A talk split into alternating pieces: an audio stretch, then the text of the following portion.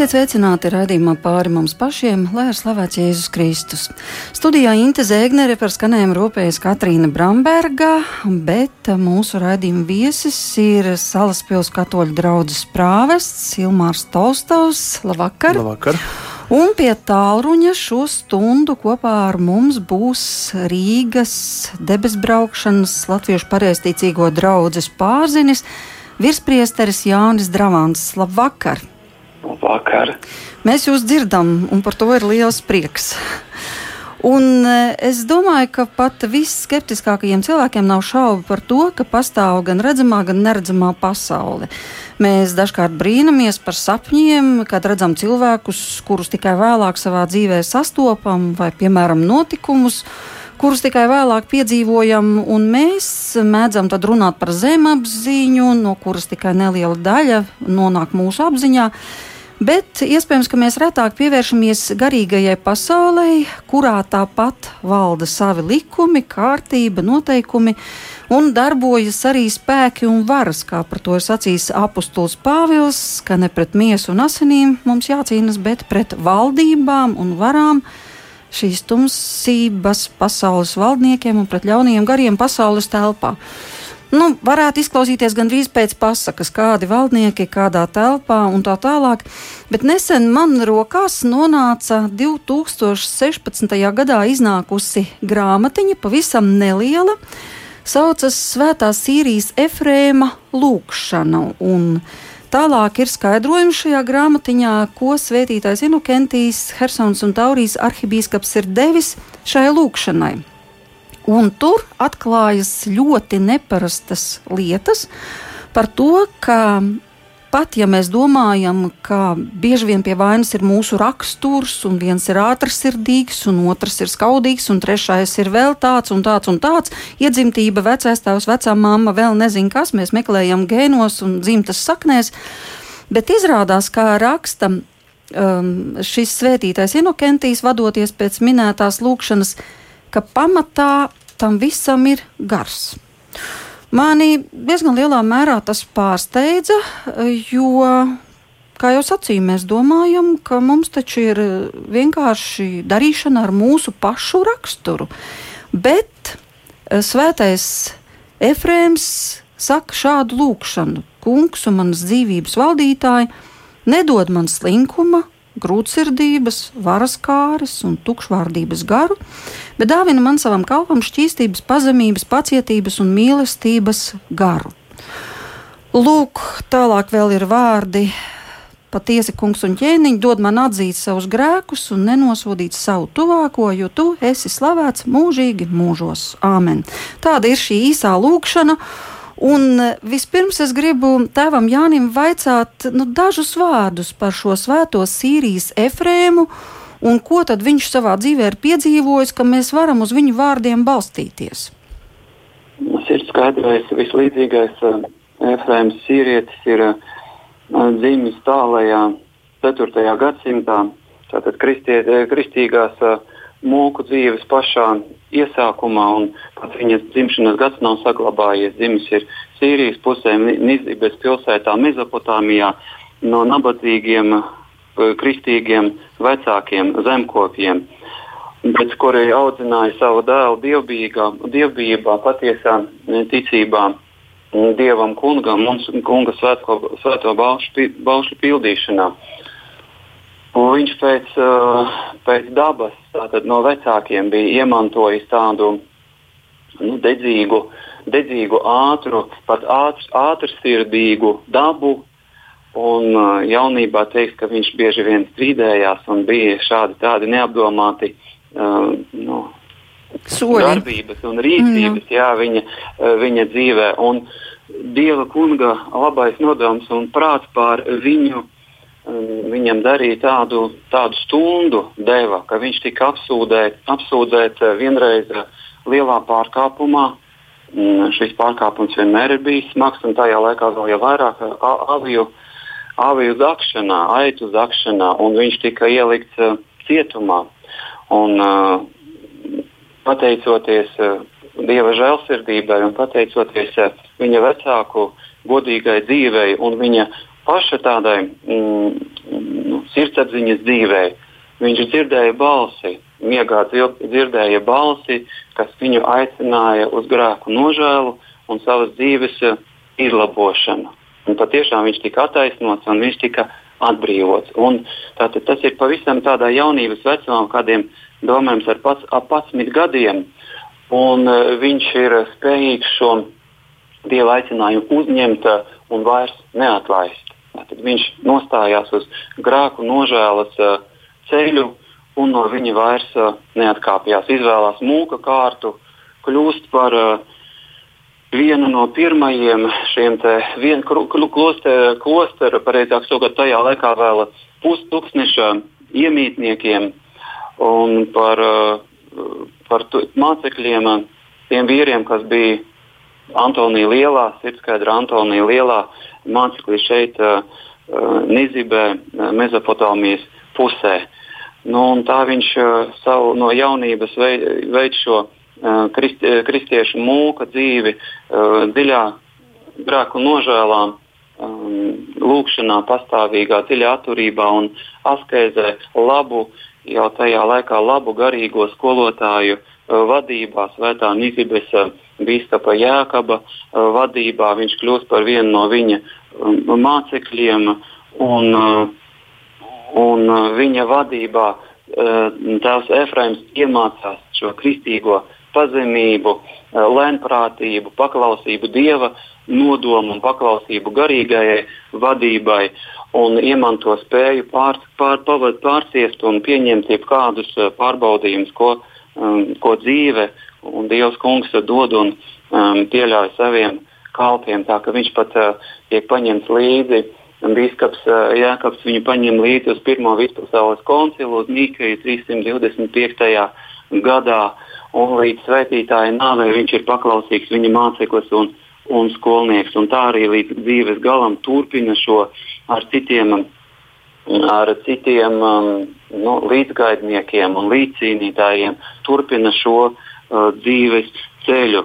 Un Dievs kungs viņam dod um, šo īpašo, tādu īpašo grēku nožēlas garu un uh, ticības un uh, dievbijības garu. Uh, rūpi par svēto baznīcu, un viņš, ir, viņš saņem šo spēju pat, pat skaidrot pareizi, nevis pēc sava prāta, bet pēc dieva garā, pareizi skaidrot arī uh, svētos uh, svētos rakstus un ir sarakstījis arī daudz lūgšanu uh, visvētai trijādībai, Dievam kungam, uh, Dieva dzemdētāja valdniecei Jaunavai Marijai.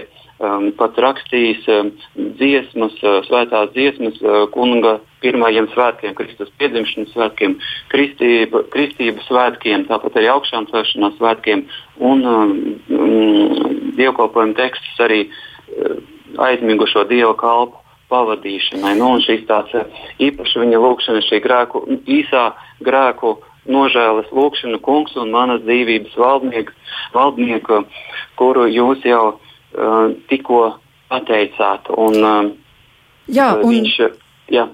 Jā, es jūs... šī, te, šī, te, šī caurījošais zelta diegs uh, viņa tajā pamācībā šī grēku nožēla, grēku nožēla plašā apjomā. Tātad pilnīga stāvēšana patiesā ticībā Dievam kungam, stāvēšana pret visiem kārdinājumiem, grēkiem un kaislībām un cīņa par, ar asarām, kristīgām ticības asarām, acīs cīņa par labo likumu. To viņš arī līdz dzīves galam notur un izcīna un māca visus pārējos. Jā, nu, protams, arī daudzu tūkstnešu tēvu un klostera tēvu atziņās un pieredzē mēs sastopam to, ka viņi gara pasauli redzējuši daudz skaidrāku un konkrētāku un piedzīvojuši gan reālus uzbrukumus, kuri tādam laicīgam cilvēkam pat prātā nenāk, ka vispār kaut ko savu acu priekšā varētu skatīt. Bet kas mani pārsteidza, šis fakts, ka um, viņš nerunā par grēku, vai viņš nerunā par netikumu, bet viņš runā par šī netikuma garu. Un tālāk eh, šajā paskaidrojumā arī svētītais Inokentijs saka, ka šis gars tas ir daudz vairāk kaut kas par pašu netikumu. Un es gribu vaicāt Ilmāram, varbūt tieši ar to ir skaidrojums arī tas, ka bieži vien kristiešiem pārmet, ka, oi, nu jā, viņi tur pa simtām reižu iet un vienu un to pašu grēku tur sūdz un sūdz un runā un runā vienu un to pašu un tik un tā dara to pašu.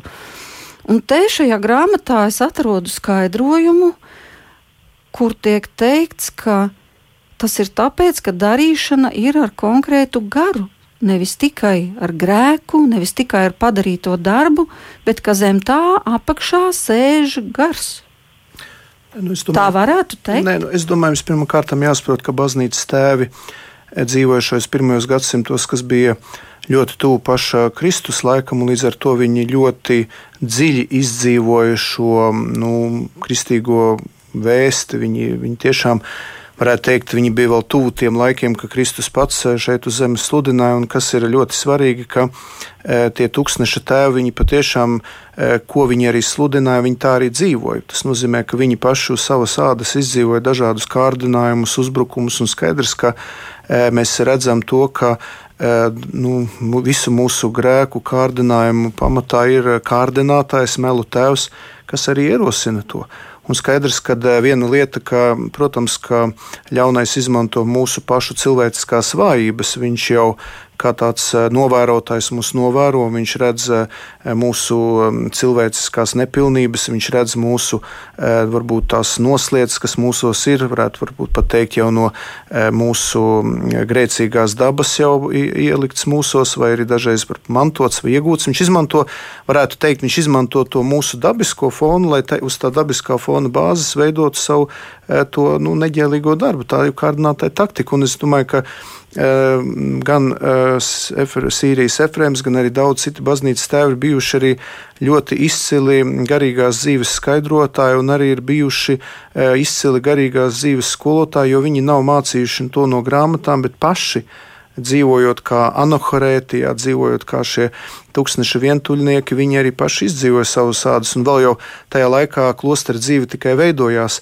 gan austrumos, gan rietumos. Tāda sistematizēta klostera dzīve, kādu mēs to tagad saprotam, viņa vēl nebija izveidojusies, tie bija tikai aizmetņi. Un, un šie tēvi, viņi tiešām ap sevi pulcināja mācekļu grupas, kopienas, un, un tā bija tā, tie bija tādi centri, tie, tas bija tādi kā avoti, eh, kur cilvēki varēja nākt un smelties šo, šīs, šo mākslu, kā dzīvot, kā kristietim. Jo jāsaprot, ka tā bija arī gan Romas impērija, gan arī Bizantijas impērija, ka bija ļoti grūti dzīvot kā kristietim. Viņi bija šie skolotāji, kas paši dzīvoja, un tā kā paši dzīvoja, tā arī mācīja citus. Jā, bet cik interesanti, tik daudz gadsimtu mūs šķir no šiem tūkstnešu tēviem. Uh, bet tajā pašā laikā cilvēka daba jau nav mainījusies. Tādējādi var sacīt, ka tas, par ko viņi runāja toreiz, tikpat lielā mērā attiecas arī uz 21. gadsimta cilvēku. Piemēram, Minokentijas savā skaidrojumā raksta, ka cilvēks pēc svēto rakstu mācības pastāvīgi atrodas starp divām pasaulēm - starp garīgo, gaismu nesošo un pasaulīgo, aptumšoto, demonisko, un kā viena tā otra darbojas uz viņu nepārtraukti un savā starpā karo pār cilvēku. Pat es, ja mēs to nezinām vai neaptveram, vai es, vispār. es pat domāju, ka mūsdienās ir daudz grūtāk, jo tajos laikos, kad dzīvoja baznīcas tēvi, cilvēki vēl tik ļoti neatdalīja piemēram, prātu no ticības, eh, garīgo dzīvi, no laicīgās un mūsdienās tā lielākā problēma, ka cilvēki tik dziļi ir iekrimuši tajā racionalitātē, ka viņi ļoti nodala un patiesībā pat noliedz to, ka eksistē garu pasaule, ka eksistē kārdinātājs. Ja, tas ir tas, ko mēs redzam pie baznīcas tēviem, pie, pie tūkstneša tēviem, ka viņi ļoti konkrēti Eh, saredz šo gara pasauli un arī to liecina. Tāpēc es domāju, ka eh, mums, eh, kā es pārstāvu to rietumu, tieši katoļu baznīcu, mums ir ļoti svarīgi visu laiku arī lasīt garīgos tēvus un viņus neaizmirst, tos baznīcas tēvus jo viņi patiešām ļoti harmoniski līdzsvaroti parāda šo saikni starp ticību un prātu, starp eh, gara pasauli un šo mūsu šīs zemes pasauli. Jo mums, kā jau saku, šiem eh, modernajiem 21. Eh, gadsimta cilvēkiem ir tāda tendence nodalīt šo gara dzīvi no tādas mīsīgās un laicīgās dzīves. Un šeit mēs redzam, ka tas nav tā nodalāms, ka tas ir savstarpēji saistīts, ka gara dzīve, gara procesi arī dziļi ietekmē mūsu nu, laicīgo dzīvi, laicīgos procesus.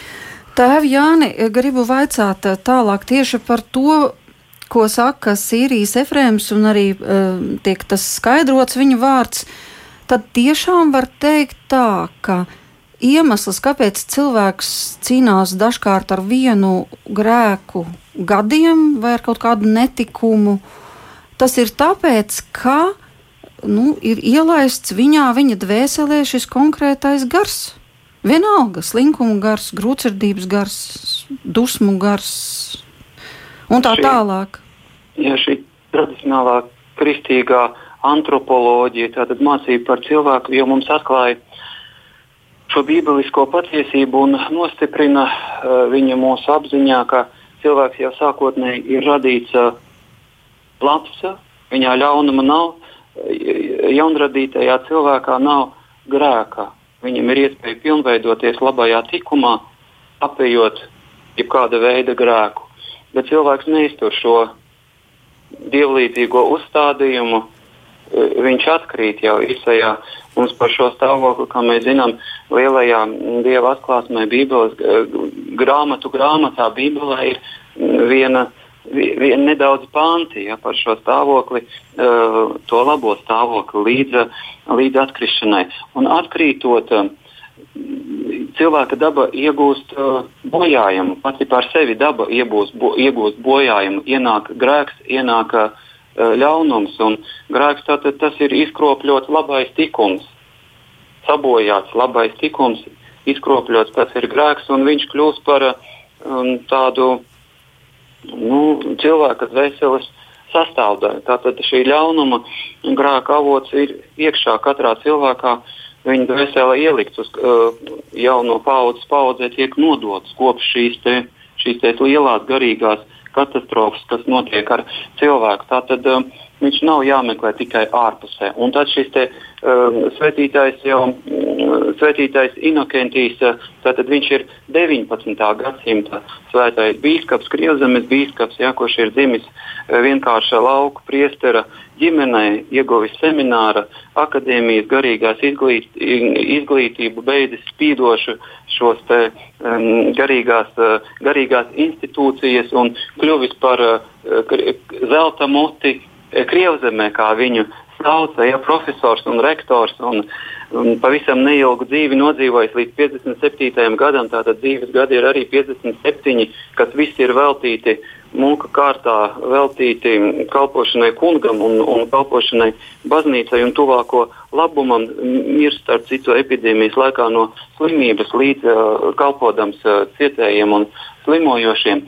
Un, lūk, viņš uh, paskaidro šo šo, šo eh, situāciju, ka tātad ir šī jau iegūtā, iedzimtā eh, slimība, grēka slimība, šis izkropļotais tikums, un ir, ir tā atmosfēra, ko rada šī, šis bojājums, tas gars, grēka gars, kas ir pašā cilvēkā, un vēl ir, vēl ir ļaunuma gari, tātad šie kritušie eņģeļi, dēmoni, uh, kuriem, kuriem arī tur ir kaut kāda savstarpējā hierarhija, un katrs ar kaut kādu vairāk kaut, kādos, kaut kādā grēkā specializējās. Un, un pastāvīgi cilvēkam, cilvēkā uztur, piedāvā viņam attīstīt grēku. Tā kā šī cīņas aina, aina ir tāda kompleksa. Jā. Ar, ar, ar kuru ir jā, jācīnās kristīgajam askētam un nu, katram kristīgam cilvēkam, jo, kā Svētais Tēvs Efraims saka, kamēr mums ir dzīves laikā, mums ir jāiegūst garīgie spārni, tātad labais tikums un jāatbrīvojas no grēka, lai mēs varētu, eh, lai mēs varētu izmantot to labo, labo dzīvi, mūžīgo dzīvi Dieva kunga valstībā. Jā, mani pārsteidz arī šeit ir konkrēti ļoti rakstīts tāda frāze, ka jo ātrāk netikums nostiprinās cilvēkā, jo ātrāk viņš pie tā pierod, jo ātrāk tas ņem virsroku par cilvēku un rada viņā šo netikumu garu, lai kāds tas arī nebūtu. Tāpat ir ar tikumu, bet viņš šeit arī paskaidro, ka netikuma gars ir tumšāks un ļaunāks par pašu to darbu, ko tas cilvēks pastrādā. Un ja viņš viņu regulāri atkārto, tad vienkārši tur izveidojas māja vieta. Un tālāk viņš saka, ka cīņa ar netikuma garu ir daudz grūtāka nekā ar pašu netikumu. Es domāju, šeit, šeit ir ļoti svarīga lieta arī tāda, ka e, jāsaprot, ka e, ir e, nu, arī, kad mēs lietojam šo terminoloģiju, ir jā, jābūt arī kaut kādā ziņā mazliet precīzākiem, jo viens ir tas, ko, nu, protams, ka ļaunais mūs kārdina, viņš mums piedāvā kārdinājumu, bet kamēr mēs neesam tam piekrituši, tas vēl nav grēks. Tātad vispirmām kārtām kārdinātājs mūs kārdina, kamēr mēs viņam nepiekrītam, mēs neesam krituši grēkā. Līdz ar to ir arī mūsu atbildība. Jo nav tā, ka visu tikai dara gars, un mēs esam pasīvi. Mēs, mums ir vajadzīga mūsu piekrišana. Un tad, kad mēs piekrītam kārdinātājam, mēs iekrītam grēkā un izdarām grēku. Un, ja ir viens grēks, tad tas ir atsevišķs grēks, bet, ja grēks summējas, nozīmē, ja mēs grēku regulāri atkārtojam, vienu pēc otra, tad tiek iegūts netikums. Un skaidrs, ka ļaunais ienaidnieks dara visu, lai mūs pēc iespējas iegrūstu netikumā. Jo tas, ka cilvēks vienu reizi pakrīt, padodas kārdinātājiem, ja, tad viņš izdara vienreizēju grēku, dodas pie grēku sūdzes, nožēlo, izsūdz šo grēku, un, un kas saka, diev, diev, Dievs grēku ir piedevis. Bet ar netikumiem ir daudz grūtāk, jo tie regulāri atkārtojas, viņi dziļāk mūsos iesakņojas, un no tiem ir grūtāk tikt vaļā. Un dažreiz cilvēki nāk regulāri pie grēksūdzes, pie garīdznieka un saka, ārprāts, es jau gadiem te sūdzu vienu to pašu grēku, un es nevaru tikt galā, un varbūt man tas jau ir apnicis, un, un cik tad te var, un, un vai tad tiešām Dievs piedod, un tā tālāk. Ja. Tad ļoti dziļi iesakņojas netikums. Es domāju, ka ļoti svarīgi arī ir lūk, lai Dievs caur svēto garu katram mūsu netikumam liek pretī arī likumu. Jo e, tiešā veidā ar netikumu ļoti grūti, grūti cīnīties. Nu, piemēram, kā tas būtu? Nu, piemēram, ja man ir e, tāds nu, skaudība, ja izveidojies netikums skaudība, kad es nemitīgi skaužu e, kādam, ka viņam ir kaut kas vairāk, kaut ko Dievs devis, tad es varu sevi izkopt devīguma tikumu, iesaistīties kādos labdarības darbos un tādā veidā ar šo tikumu lūgt svētā gara palīdzību, lai viņš caur labiem darbiem, caur slavēšanu, varbūt izkopt sevī slavēšanu un pateicību par to, ka Dievs citus cilvēkus tik ļoti apdāvinājis, un arī slavēt par to, ko Dievs man ir devis, un līdz ar to man izstrādājis tikums, tātad pateicības tikums, eh, no, tikums novērtēt cita dāvanas, un līdz ar to ir iespējamība, ka šis netikums kā skaudība manī var iet mazumā. Ja? Jo, jo jāsaprot, ka jā, šie gari mums, gars mums ir apkārt kas mūs eh, kārdina un ietekmē, bet mēs nevaram teikt, ka mums pašiem nav nekas jādara. Tad mēs arī caur asketiskiem vingrinājumiem, caur garīgo dzīvi, caur labu garīgo vadību mēs varam arī eh, gan cīnīties ar netikumiem, gan arī viņiem likt pretī tikumu. Jo ir tukša vieta nepaliek. Ja es gribu izravēt eh, netikumu, tad man jāliek pretī tikums, kas tādā veidā izkop manī šo pretējo darbību nostāju. Tātad, jo biežāk mēs atkārtojam kaut kādu sliktu lietu, jo vairāk mēs riskējam, ka mēs iemantosim šo garu. Nu, netikums, mūsos izstrādāts netikums, jo patiesībā gars jau ir viens, tas ir ļaunais gars. Jā, nav nu, Bet, nu, dažādās modifikācijas. Jā, modifikācijas, jo viņš jau, kā saka, atrod veidus, kā, kā uz mums iedarboties. Bet skaidrs, ka e, tikai tad, kad mēs piekrītam grēkam, Ja? Tikai tad tas ir grēks, jo kārdinājums, ja piedāvājums grēkot, tas vēl nav grēks. Un dažreiz cilvēki jauc, viņi, viņi uzskata, ka kārdinājums tas jau ir grēks. Nē, kārdinājums tas ir tikai piedāvājums. Ja mums tiek kaut kas piedāvāts, bet eh, vai mēs to izvēlēsimies vai nē, vai mēs tam padosimies vai nē, tas ir atkarīgs no mums. Tiklīdz kā tas attiecas uz darbību, iespējams, ka jā, bet tu minēji ļoti labu piemēru skaudību. Cilvēks jau pazīst savu sirdi, un viņš zina, kas šajā sirdī rodas, kad viņš uzzina par kāda cita panākumiem. Ja šajā sirdī rodas sāpe, tas nozīmē, ka būtībā tur jau šis gars dzīvo. Tas vairs nav kārdinājums ja par katra cilvēka prieku tev iekšā rodas kaut kāda tāda mm, sajūta, tas nozīmē, ka tur jau šis netikums dzīvo, jo pretējā gadījumā tas nerastos. Vai nu, var tā teikt? Nu, pēc nu, kristīgās antropoloģijas mūsos ir iekšā ir nemirstīgā dvēsele, un skaidrs, ka mūsu dvēsele ir, ja tā var teikt, iekārojums objekts ļaunumam. Nu, jautājums, vai manā dvēselē dzīvo dievu gars, ja, svētais gars, vai nu es esmu iecinājis ļauno. Nu, bet tas ir tests. Ja es tajā brīdī priecājos no sirds, tas nozīmē, Protams. ka ar tavu dvēseli viss ir kārtībā. Ja man ir žēl, tas ne, nozīmē, ka nav kārtībā. Vēstulē galotiešiem Pāvils jau runā par miesas augļiem un gara augļiem. Jā, to jau var atpazīt. Ja cilvēks sevi redz, ka viņai ir miers, prieks, svētie garam, tur uzskaitīts vēstulē galotiešiem, ja šie svētā gara, svētā gara augļi. Tas nozīmē, ka es tādā veidā varu atpazīt, kādam garam es kalpošu. Es varbūt to atradīšu. Mēs pēc tam varam varam atrast. Jā. Mēs tagad paklausīsimies mm dziesmu, lai mums būtu neliela pauze, un tad turpināsim. Tātad tagad mēs nonākam pie zināma testa, kā atpazīt. Jā, es nolasīšu apakstuļa Pāvila, Svētā Pāvila vēstules galotiešiem eh, fragment no 5. nodaļas, no 19. panta līdz 23 bet zinām ir miesas darbi, tie ir netiklība, nešķīstība, izlaidība, elku kalpība, buršana, ienaida strīdi, nenovīdība, dusmas, ķildes, šķelšanās, ķecerība, skaudība, dzeršana, dzīrošana un tam līdzīgas lietas, par kurām es iepriekš saku, ka, kā jau esmu senāk sacījis, tie, kas tādas lietas dara, ne, nemantos Dieva, Dieva valstību. Bet gara auglis ir mīlestība, prieks, miers, pacietība, laipnība, labprātība, uzticamība, lēmprātība, atturība. Pret tādām lietām nav bauslības. Jā, nu diezgan skaidri. Jā. Vēstule galotiešiem. Bet tagad atgriežoties pie svētā Sīrijas efrēma lūkšanas, jā, nu tur ir izteikts lūgums nedod man slinkumu garu un tālāk nedod man grūtsirdības garu. Es tieši gribēju vaicāt, kas tad ir šis grūtsirdības gars un kā tas izpaužas? Tēva Jāni, ja jūs mūs dzirdat, es ceru. Jā, jā es dzirdu un um, atļaujiet vēlreiz uh, ar to um, pieminēt par to iedzimto, iegūto uh, bojājumu. Tātad uh, tēvu mācībā un baznīcas mācībā mēs to redzam no paša sākuma, ka mums ir cilvēkā iedzimst šis bojājums, un, protams, viņš ir atbildīgs par viņa attīstības mēru. Bet viņš ir, viņš pat nav no malas jāieliek. Tātad viņš ir un katram ar to ir aktuāli jā, jācīnās un jāstāv pretī un jākop un jāsargā sava, uh, sava sirds un sava dvēsele un savs prāts. Ja, un runājot par grūtsirdību, nu, pirmo lūgumu tēvs Efraims uh, velta šim slinkumu, netikumam un uh, pret slinkumu, kā netikumu un slinkumu, kā garu. Tātad tas ir tas, ka nedarīt, vien, pavisam īsi sakot, nedarīt to, kas jādara.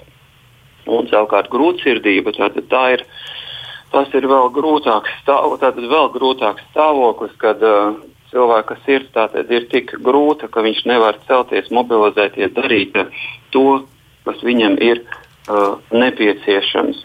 Un uh, Tēvs Inokentīs saka tā, ka tādēļ, ja redzat mani brāļi īstu kristieti, kurš cieš no grūtsirdības gara, sargieties no tā izdarīt secinājumus par kristietību kā tādu. No tā izriet tikai tas, ka šis Kristus miesas loceklis nav vēl pilnīgs savā ticībā un uzticībā Dievam. Ka viņš pēc cilvēciskās dabas vājuma sirdī jūt nespēku un iespējams šis garīgais nespēr, nespēks ir debesu ārsta, tātad pat Dieva kunga, tīši pieļauts, lai viņam atgrieztu uh, pilnīgu veselību. Un vēl viņš turpina, lai kā arī nebūtu grūtsirdības, radīt izmisums vienmēr ir nedabisks gara stāvoklis, slimība, kura pieaugot spēkā un ilgstot, var kļūt ārkārtīgi bīstama un novest līdz nāvei ne tikai garu ar izmisumu, bet arī pašu ķermeni līdz sabrukšanai. Neskapēc... Pasaulīgās skumjas, Jā. kā apustulis Pāvils saka, nes uh, nāvi savā vēstulē korintiešiem.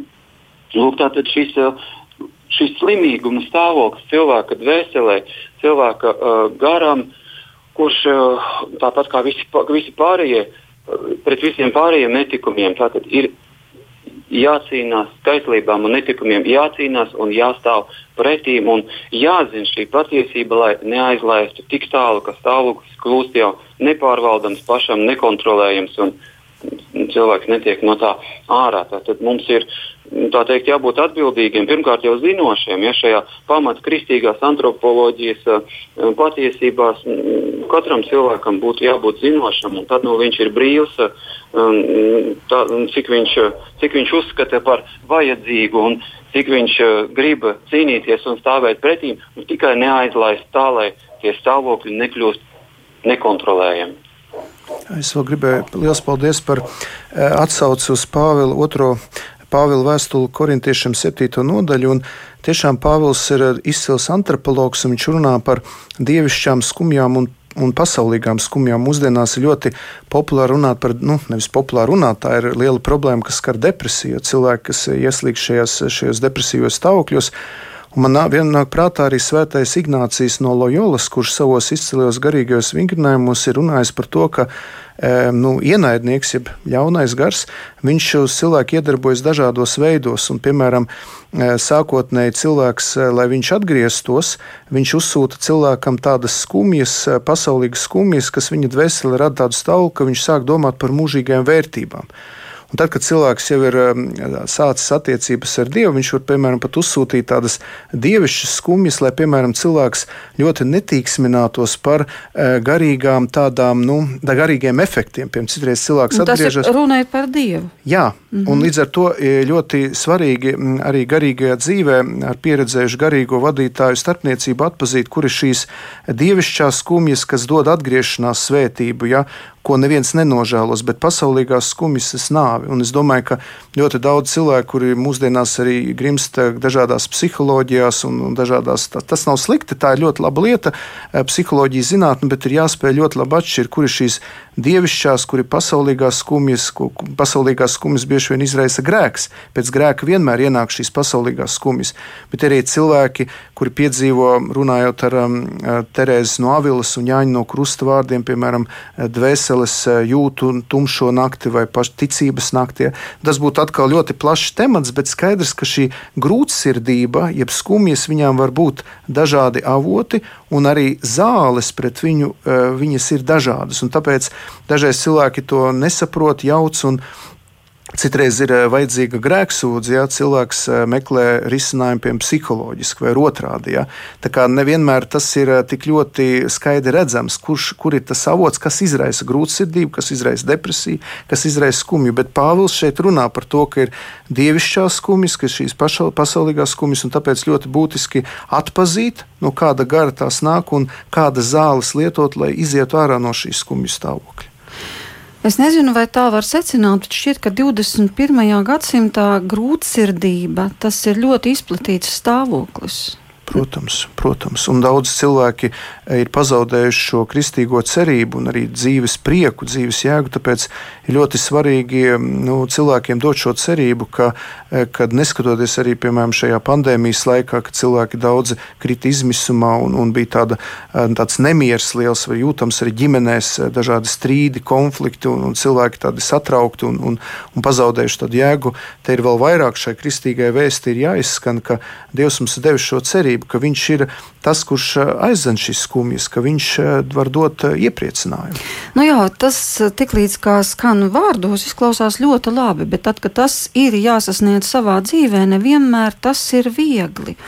Un eh, ir taču sacīts par kristiešiem, esat priecīgi vienmēr un priecājieties kungā. Un tur ir vispār tur par skumjām nav runa tā, ka tagad būtu kristietim jā, jāstaigā noskumušam, bet diemžēl ir ļoti daudz noskumušu kristiešu.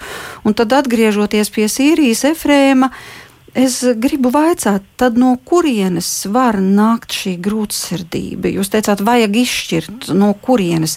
Vai viņš eh, min kādu savotu, tēvu Jāni, vai ir kaut kāds iedalījums, vai ir kaut Jā, kādi paskaidrojumi? Jūs jau, jūs jau teicāt par šo mazo darbu, bet dziļo pēc satura svētītā Inokentija. Viņš šeit dod tādu apkopojumu šiem avotiem nosaucot par iekšējiem, ārējiem, garīgiem un jutekliskiem grūtsirdībai. Tātad pirmais tas ir uh, uz laiku, ka atstāja dieva kalpu, atstāja dieva žēlastība, dodot viņam nostiprināties savā dzīvē. Otkai, otkārt viņš saka, ka tā ir uh, grūtsirdība um, no tumsas gara darbošanās Tātad, nespējot aptumšot dvēseli ceļā uz debesīm ar juteklību un tās radītiem tēliem, pestīšanas ienaidnieks vēršas pie pretējā līdzekļa, mm. iedvež dvēselē skumjas, rada iekšējais smagums un grūtsirdību. Un Trešais tagad es drusciņi jūs ap, apstādināšu, lai mēs e, vienkārši noprecizētu. Tātad pirmais ko jūs minējāt, tas grūtsirdības avots, tas ir tas, ko um, Priesteris Ilmārs teica, ka tas jau ir tik augstu garīgu līmeni sasniedzis cilvēks, nu, teiksim, kā bija mātei Terēzei, ka viņu apņēma šī dvēseles tumsa, viņa neko vairs nejuta un tā kā nesaņēma no dieva vai uh, tumšā nakts ka tas ir tās dvēseles, kuras jau ļoti tālu pavirzījušās ar Dieva virzienā, un tad ir tās otras, kuras saprot, ka viņas grib iet garīgu ceļu, ka viņas grib glābšanu. Un tad šajā ceļā viņiem, viņiem tiek uzsūtīta ārēji tā grūtsirdība, viņus spiež tā grūtsirdība no ārpuses. Es pareizi sapratu. Jā, jā, protams, bet pirmajā, veidā, pirmajā gadījumā varbūt arī ceļa sākumā, bet nopietna ceļa sākumā, kad cilvēks ir izvērtējis uh, atradis šo šauro uh, ceļu pie dieva, uh, kristīgo, kri, kristietībā mums doto uh, ceļu, un pa to, pa to vēlās iet. Un, un ir sācis iet. Varbūt arī ne augstos stāvokļos. Mēs zinām tādus piemērus. Un par otro, jā, tas, ir, tas, ir, tas, tas ir vairāk jā, tādiem uh, jau pieredzējušākiem. Nu, un trešo tālāk viņš min, kā mēs jau runājam, ka avots ir mūsu kritusī, nešķīstā, mm. bezspēcīgā, no grēka pamirusī daba. Ne, ne ar domu, ka pats pilnīgi bezspēcīgā, bet uh, nespēcīga um, pati tik galā ar visu. Un kamēr viņš saka tā, ka kamēr mēs rīkojamies patmīlis, vadīti, piepildīti ar pasaules garu, pieaugam kaislībās, tikmēr šī daba mūsos ir jautra un dzīva no kurienes tā arī gūst spēku, garu, drosmi un pacietību. Bet izmainot dzīves virzību, noiet no platā pasaulīgā ceļa un uzejot uz šaurā kristīgās pašaizliedzības ceļa, svētītājs saka, velti, kad grib cilvēks veltīt savu dzīvi grēku nožēlai un labošanai, tūdaļ jūsos atklāsies tukšums, atklāsies garīgs nespēks, sajūtīsiet, cik jūsu sirds ir mirusi. Bet, nu, protams, šeit atkal runa iet par uzticīgiem.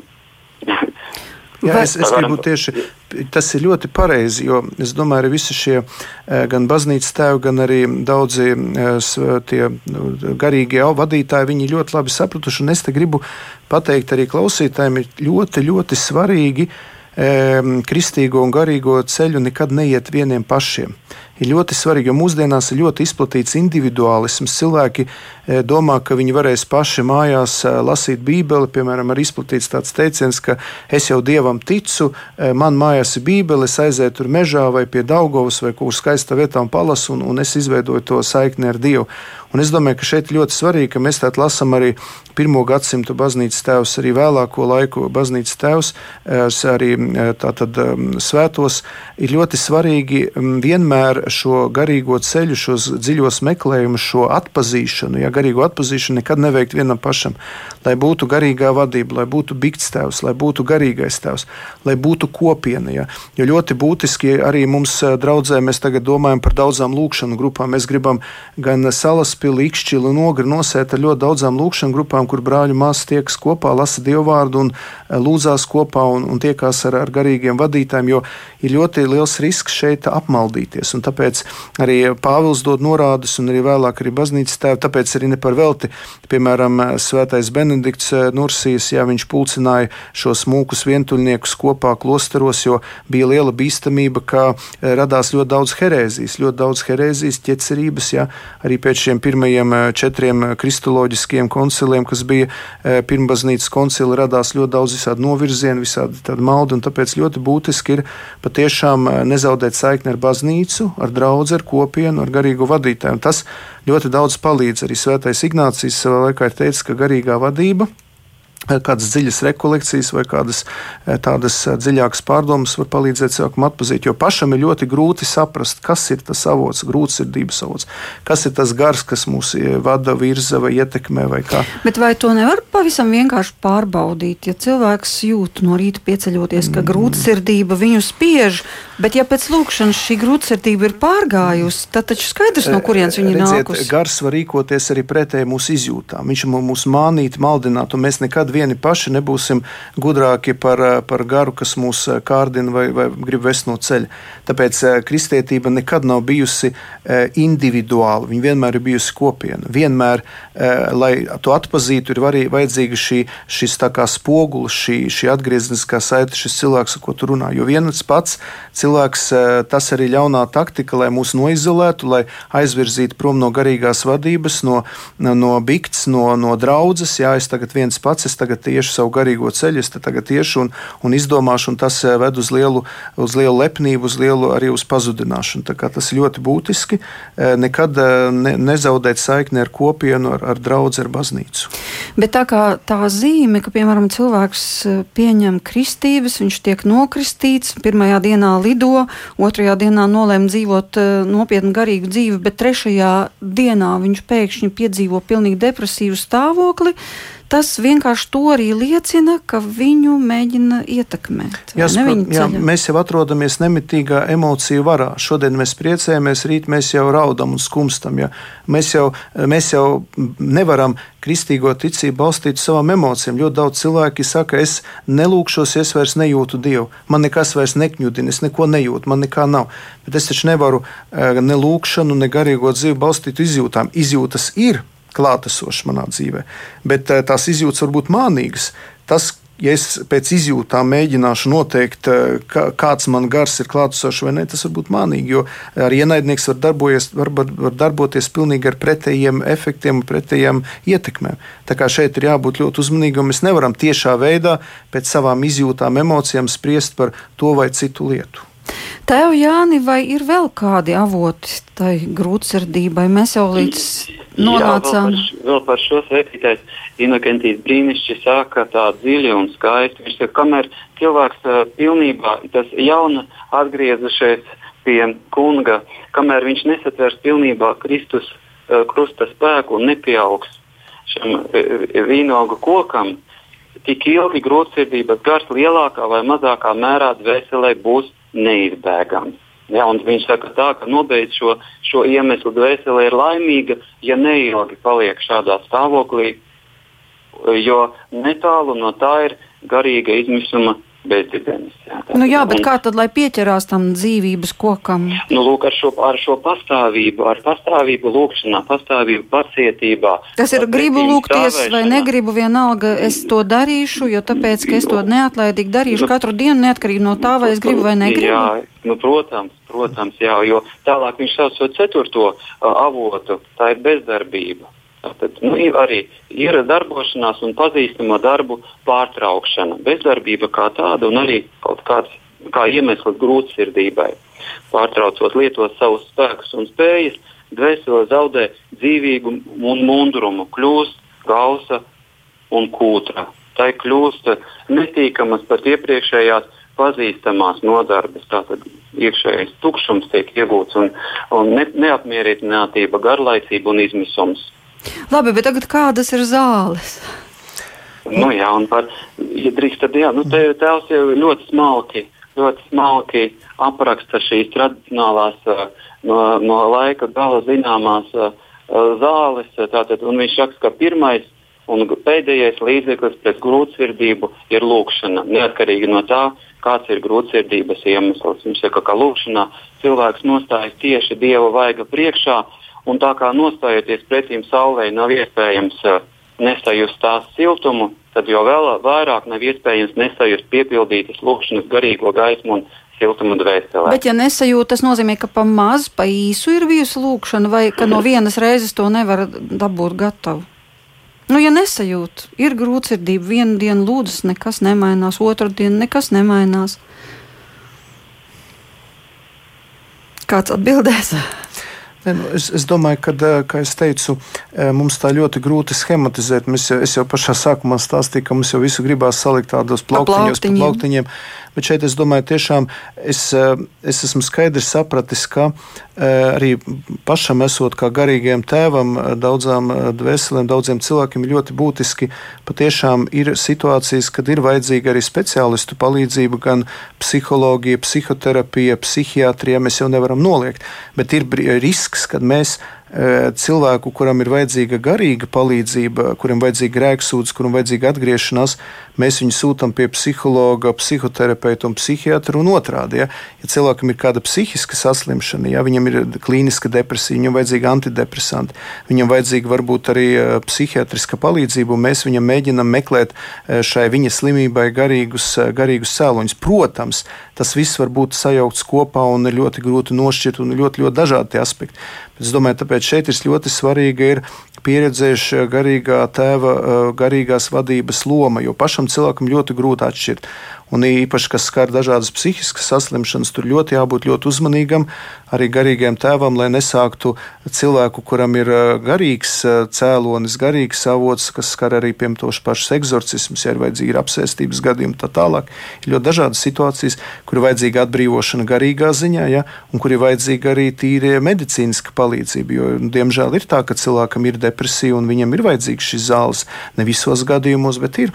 Un tāpēc es domāju tā, lai mēs arī neiekristu nekristu ne fideismā, ne e, racionālismā, nu ne pārāk e, liktu pamatu uz prātu vai tikai uz ticību. Ir ļoti svarīgi šos divus spārnus, ticību un prātu, ticību un zinātni ņemt kopā. Ja? Un tas ir, nu, tāds, e, jā, tas ir gan labi pārzināt baznīcas, protams, svētos rakstus, dievvvārdu, baznīcas tēvu, savu baznīcas mācību, pašam būt dziļi garīgi vadītam un tādā veidā palīdzēt arī citiem garīgi augt. Jā, tika minēta jau lūkšana. Tēvs Jānis minēja, ka bez lūkšanas vispār to nevar uzvarēt. Ja? Kas vēl? Jā, un Svētītais Inokentīs arī min šo grūtsirdības avotu. Miesas nespējā, tad, tātad kristietis nedrīkst neņemt vērā līdzekļus, ko piedāvā ārstniecība, jo šī mācība ir no Dieva, kā jau tika teikts. Un tātad nākošais līdzeklis ir, protams, Dieva vārda, īpaši jaunās derības lasīšana un klausīšanās. Viņš saka, un tātad pestītājs nevelti aicināja pie sevis visus bēdīgos un grūtsirdīgos, solot tiem atvieglinājumu un prieku. Un nākošais, nākošais līdzeklis ir dievkalpojumi, īpaši svētie baznīcas sakramenti, ir svētie noslēpumi, kā varenas zāles pret grūtsirdības garu. Viņš saka, jo baznīcā, kā dieva namā, tam vienkārši nav vietas. Visi sakramenti ir vērsti pret tumsas garu un mūsu dabas vājībām, īpaši grēksots, grēku nožēls un svētā vakarēdienu sakramenti. Un Jā. nākošo viņš minēja šo sarunu ar sarunas un pārunas ar kristīga gara piepildītiem cilvēkiem, kā, kā arī līdzekli pret grūtsirdību, kas jau šeit tika no uh, priestera puses daudzkārtīgi arī minēts. Nu jā, bet ir vēl kāds izrādās no grūtsirdības veidiem, ar ko nu, tā sacīt slimo cilvēki, kas neuzskata sevi par ticīgiem. Tad mēs visu laiku runājām par cilvēkiem, kuri tic un mēģina iet, atgriezties un tā tālāk. Bet ir arī izrādās vēl tā grūtsirdība, ka tikpat labi tā attiecas arī uz cilvēkiem, kas nav ticīgi, kas ir, nu, dzīvo pasaulīgos priekos, bet tik un tā tas kaut kur fonē. Ne, es domāju, ka tas ir tas, ko apustulis Pāvils jau teica, ka tās ir šīs skumjas uz atgriešanos, jo jūs esat skumdināti pēc dieva prāta, lai jums nekas no mums nenāktu par ļaunu. Jā, daudzi pasaulīgi cilvēki, kuri netic, viņi iet, viņus Dievs ieved šajās skumjās, un tajā brīdī, kad viņiem ir šīs skumjas, šis eh, tāds bezcerības stāvoklis, ir ļoti svarīgi, lai būtu kāds kristīgs cilvēks, kas viņam dod šo kristīgo cerību. Piemēram, daudzos gadījumos arī pēc kādām traģēdijām, bet ir arī tā, ka vienkārši cilvēks iztukšojas. Piemēram, daudzi šajos eh, jāņos varbūt eh, aizgāja daudzās galībās, tā, tā aizgāja tajā svinībās, kad pēc tam ir tāds iekšējs tukšums. Viņi nāk, viņi prasa, nu kā, ko man tagad darīt? esmu iztukšots. It kā bija svētki, bija svinības, bet man nav, man nav šī piepildījuma. Ja? Un tad tu saki, nē, bet man ir kā, es varu tev piedāvāt Jēzu Kristu, e, kurš ir miris un augšām cēlies, kurš e, var pilnībā piepildīt tavu sirdi. Jā, jo dvēsele ir lielāka nekā visa pasaule. Protams. Un arī to raksta svētītais Inokentīs.